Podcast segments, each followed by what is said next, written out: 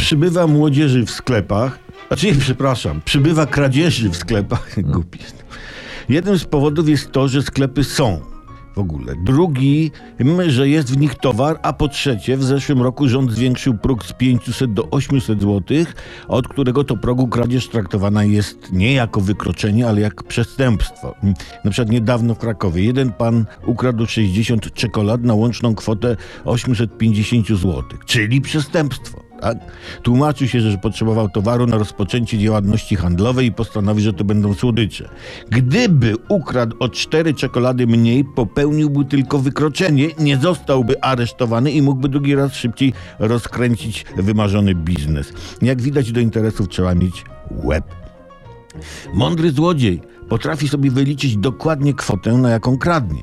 Kradnąc warto mieć przy sobie kalkulator i trochę drobnych, żeby jak ukradniesz w sklepie, dajmy na to 800, za 803 zł, to powinieneś w sklepie zostawić 4 zł reszty.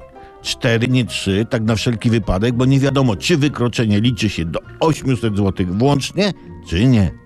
Kolejnym problemem jest to, czy w przypadku kradzieży obowiązują promocje.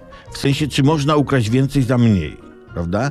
I czy, jeśli złodziej posiada kartę lojalnościową, na przykład biedronki, to zniżki w trakcie kradzieży obowiązują go, czy nie? Prawda?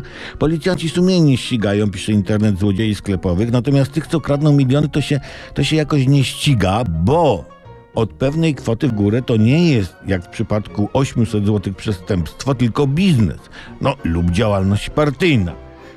To w sumie na jedno wychodzi.